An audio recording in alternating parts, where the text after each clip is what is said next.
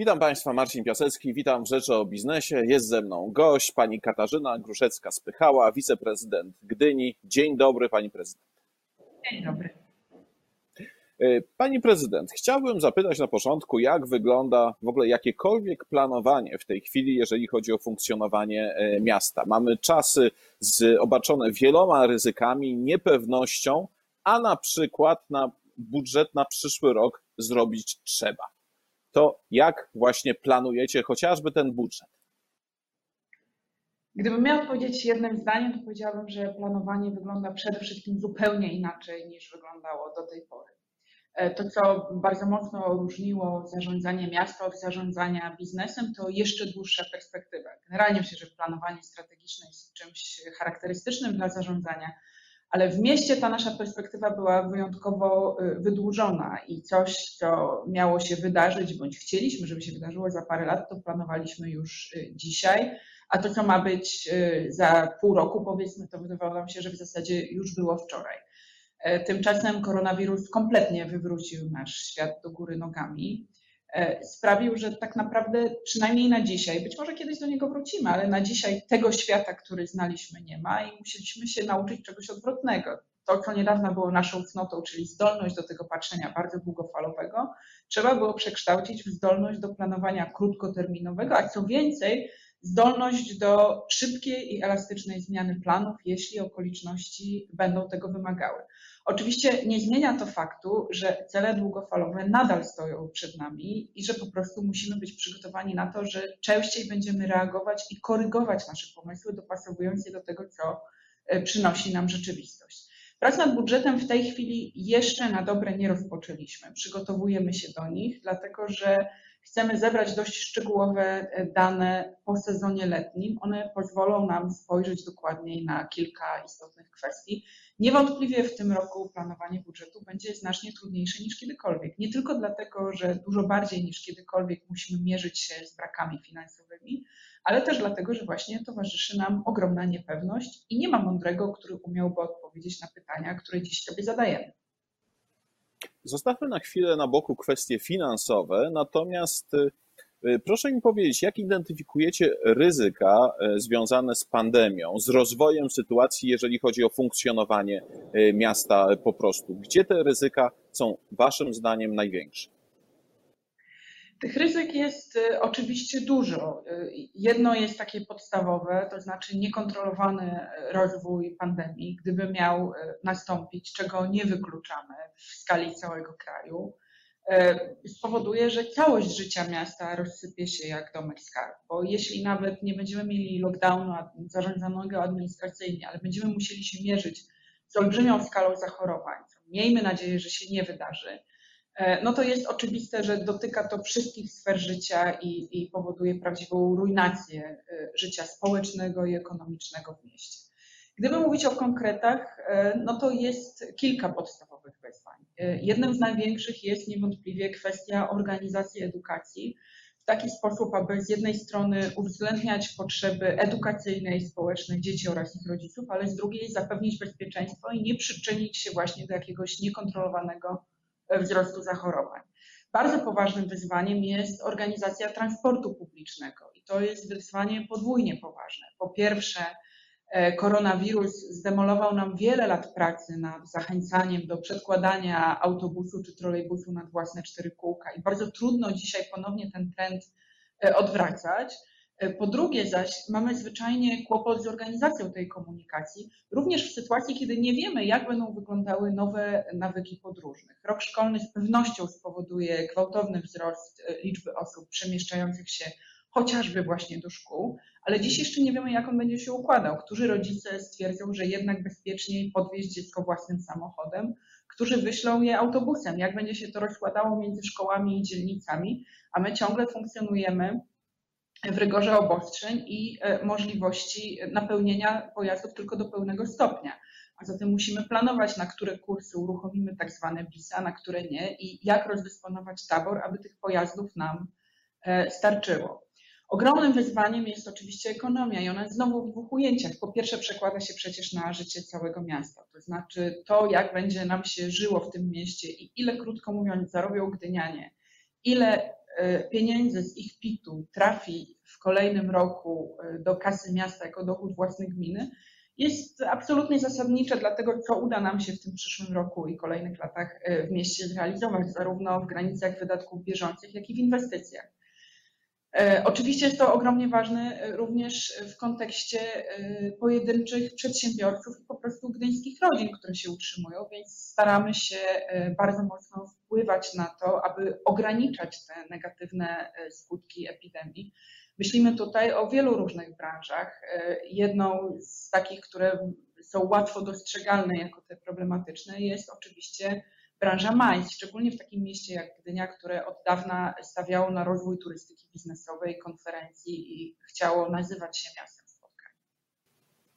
No właśnie, bo y, oczywiście y, nikomu nie życzymy tego, żeby pandemia w Polsce się y, rozwijała i przyjmijmy scenariusz optymistyczny, to znaczy, że będzie dobrze, będzie, będzie spokojnie ale wygląda na to, że to doświadczenie, doświadczenie ostatnich miesięcy jednak mogło sporo zmienić, również jeżeli chodzi o politykę miasta, czy też przyszłość miasta, czy też perspektywy miasta. Właśnie to, co pani powiedziała. Być może jednak komunikacja miejska w przyszłości będzie wyglądała inaczej. Być może turystyka będzie wyglądała inaczej. Może będzie na przykład mniej tych wielkich hoteli kombinatów konferencyjno-noclegowych. Być może inaczej będzie wyglądał y, handel. Może w mniejszym tempie, nieco wolniejszym tempie, czy może w ogóle nie będą powstawały y, centra, duże centra handlowe. Jak wy to widzicie? Jaką perspektywę przyjmujecie teraz? Co pandemia zmieniła na trwałe? Myślę, że na trwałe zmieniła podejście do e, pewności pewnych zjawisk. My żyliśmy w pewnym komforcie psychicznym, będąc pewni, że jutro będzie wyglądało, jutro będzie wyglądało tak samo jak dzisiaj. Dziś już wiemy, że wcale nie musi tak być. Dzisiaj nie jesteśmy w stanie e, znaleźć odpowiedzi na e, te pytania, które pan redaktor przed chwilą postawił. E, różni badacze formułują różne diagnozy i prognozy dotyczące tego, jak będzie wyglądała przyszłość, na przykład turystyki. Jedni rzeczywiście twierdzą, e, że będzie ona bardziej zrównoważona, że mniej popularne będą wielkie hotele. Inni mówią, że niekoniecznie, że to tylko efekt tego roku, ale że tak naprawdę wielkie sieci hotelowe potrafią lepiej sobie radzić, chociażby z utrzymaniem e, bardzo ostrych rygorów sanitarnych. I w związku z tym w dłuższej perspektywie będą chętniej wybierane przez turystów niż te mniejsze, które w, w pierwszym odruchu wydawały się bezpieczniejsze. Prawda jest taka, że dzisiaj nie jesteśmy w stanie e, tego ocenić. I myślę, że podstawową e, nauką z epidemii jest to, że codziennie musimy się uczyć, że nie pozjadaliśmy wszystkich rozumów, że nawet jeśli mamy wieloletnie doświadczenie, to każdy dzień przynosi coś nowego i często nawet nie wiemy, czego nie wiemy. Zatem ważna jest niezwykle uważna obserwacja, jak również poznawanie maksymalnej ilości spojrzeń na ten świat. Każdy z nas e, działa w jakichś ramach i ma skłonność do widzenia świata po swojemu. Jeśli zarządzamy miastem, które jest wspólnotą, to jedyną chyba skuteczną receptą e, na to, aby czegoś po drodze nie pogubić i wskutek tego nie podjąć złych decyzji, których konsekwencje mogą być bardzo negatywne, jest zbieranie maksymalnej ilości spojrzeń na ten świat, a później wyciąganie z nich albo średniej, albo po prostu e, najbardziej obiektywnego e, jego widoku. I w jaki sposób to robicie, to zbieranie maksymalnej ilości spojrzeń?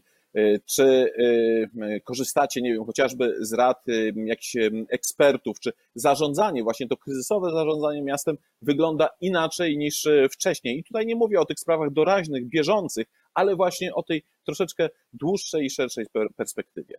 Inaczej na różnych poziomach. Również w naszej bardzo wewnętrznej pracy mogę powiedzieć, że zmieniło się to, że znacznie więcej pracujemy zespołowo. I chciałabym powiedzieć, że wcześniej tak nie było, ale y, na pewno od początku epidemii więcej ze sobą rozmawiamy i więcej decyzji podejmujemy wspólnie, bo okazuje się, że muszą one być bardziej e, przekrojowe. E, jeżeli chodzi o takie szersze zarządzanie i poszukiwanie tych różnych spojrzeń i różnych perspektyw, poszukiwanie odpowiedzi na pytanie o to, czego jeszcze nie wiemy, a wiedzieć powinniśmy, no to są tu dwa sposoby. Pierwszym, dość oczywistym i wcale nie nowym, jest partycypacja, która stała się nieco trudniejsza e, w czasach epidemii, chociażby dlatego, że trudniej nam się bezpośrednio spotkać.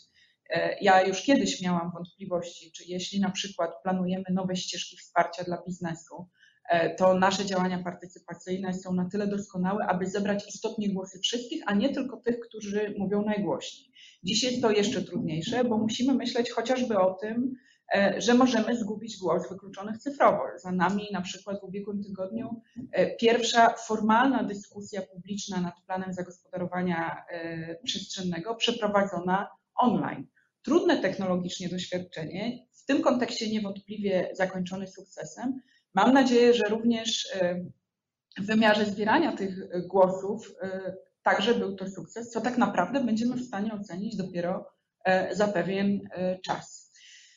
Druga oprócz partycypacji metoda to rzeczywiście pewne rady ekspertów. E, mam na myśli nie tylko tych ekspertów, których od lat tutaj w urzędzie zatrudniamy i do których e, głosu mamy duże zaufanie, ale także tych, którzy na co dzień są w zupełnie innych miejscach i w związku z tym mogą wzbogacić nasze spojrzenie o zupełnie inne aspekty.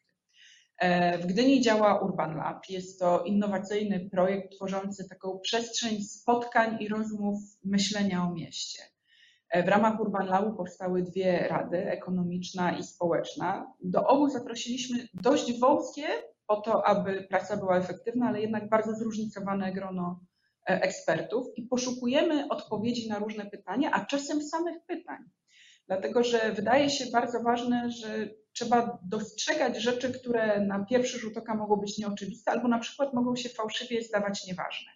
Jeśli nawet nie zdobędziemy od razu odpowiedzi, ale ktoś zasieje nam swego rodzaju niepokój i pokaże, że to jest punkt, któremu należy się bardzo uważnie przyglądać, to będziemy mieli większą szansę nie przegapić czegoś, co może być niezwykle istotne, czy to doraźnie dla sytuacji, która będzie jutro, pojutrze, za trzy tygodnie, czy też w zdecydowanie długiej perspektywie po czasie, kiedy pandemia już nas a czy już zidentyfikowaliście takie punkty, które wydawały się początkowo nieistotne, a mogą być rzeczywiście powodem do właśnie istotnego niepokoju?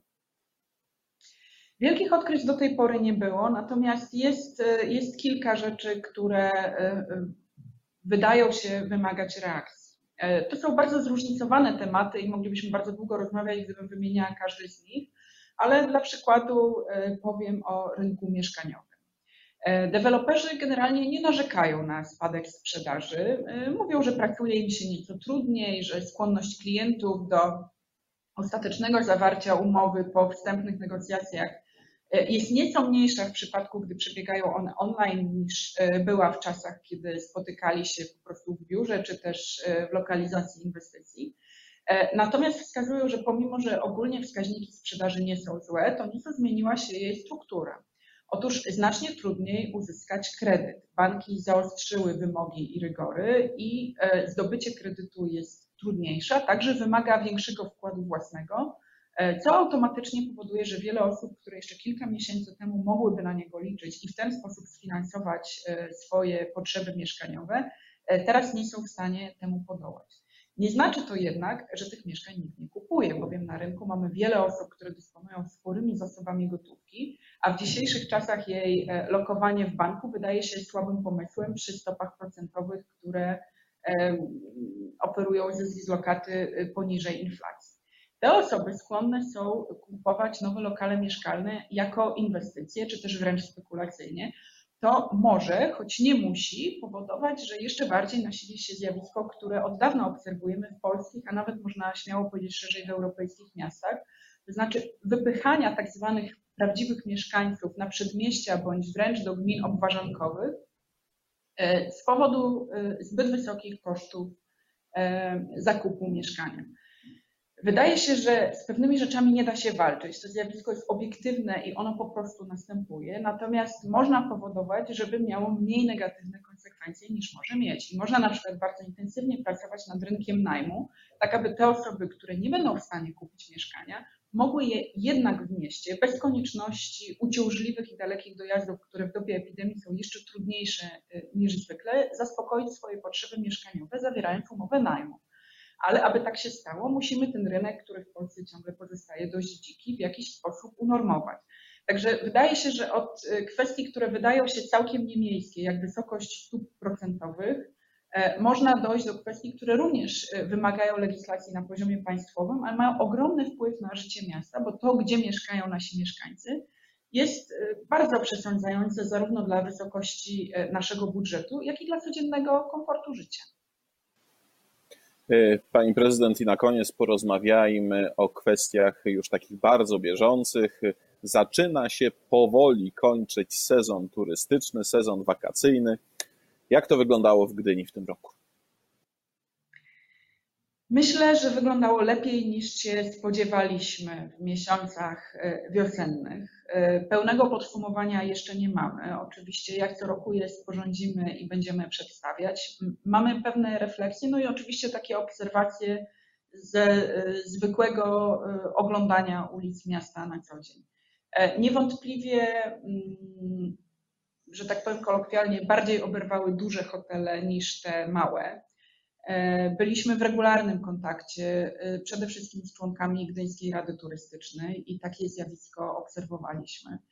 Staraliśmy się oferować różnego rodzaju programy, które pozwolą przetrwać. Robiliśmy to już od pierwszych miesięcy epidemii, zarówno w stosunku do gastronomii, jak i hotelarzy. E, wdrożyliśmy różne rozwiązania, które miały temu pomagać, w bardzo różny sposób dedykowane różnym grupom społecznym. Gdynia nie jest typowym kurortem, a zatem my nie oczekiwaliśmy e, rodzin, e, które zamierzają spędzić dwa tygodnie na plaży, tak jak robią to na przykład miejscowości na Półwyspie Helskim. My na co dzień raczej przyjmujemy turystę, który bądź jest turystą biznesowym, bądź przyjeżdża do naszego miasta, aby korzystać e, z wydarzeń kulturalnych lub sportowych, z których słyniemy. Tym razem postanowiliśmy dość mocno skierować się do mieszkańców i im dedykowaliśmy innymi program Gdynia o 10 e, pod takim hasłem bądź turystą w swoim mieście. Chcieliśmy, żeby po pierwsze mieszkańcy mogli skorzystać e, z uroku swojego miasta i mieć jakieś przyjemne wakacje, nawet e, w tej sytuacji, gdyby zrezygnowali z wcześniej planowanego wyjazdu do innego miasta czy też do innego państwa. Po drugie, aby zapewnić pewien rodzaj zysku i zainteresowania hotelarzom. Ten e, projekt niewątpliwie wypalił, zaczynał się w hotelach, a proponował wycieczki krajoznawcze po mieście e, prowadzone przez bardzo doświadczonych przewodników. E, mocno postawiliśmy na instytucje kultury i wydaje się, że to również się sprawdziło. Obserwowaliśmy oczywistą tendencję do większej popularności tych wydarzeń, które odbywały się na świeżym powietrzu, niż tych, które były we wnętrzach. Wiele kultowych imprez e, zmieniło swój charakter bądź odbywały się w ograniczonym zakresie. Ale bardzo pozytywnie nas zdziwiło to, że również online, nawet teraz, kiedy obostrzenia pozwalają już być na sali, cieszyły się ogromnym zainteresowaniem. Takim przykładem jest e, na przykład Ladies Jazz Festival. E, weszliśmy również e, w kooperację na przykład z Krakowem, proponując sobie wzajemną promocję turystyczną, to znaczy my namawialiśmy Gdynian do odwiedzenia Krakowa, a Kraków namawiał swoich mieszkańców do wizyty na Pomorzu. Celowo, mówię na Pomorzu, a nie w Gdyni, bo Trójmiasto to jedność i działaliśmy tutaj wespół z Sopotem i Gdańskiem. E, niewątpliwie był to inny rok. Staraliśmy się również bardzo dobrze przygotować, czy to instytucje kultury, czy też na przykład plaże pod kątem bezpieczeństwa sanitarnego. Na pełne podsumowanie e, przyjdzie czas, kiedy skończy się wrzesień. Powtórzę, że ten rok nie był tak zły, jak wydawało się, że będzie, ale niewątpliwie był dla wszystkich bardzo trudny. Rok inny, ale na szczęście nie katastrofalny. Bardzo dziękuję za rozmowę. Moim gościem była pani Katarzyna Gruszecka-Spychała, wiceprezydent Gdyni. Jeszcze raz dziękuję za rozmowę. Dziękuję bardzo.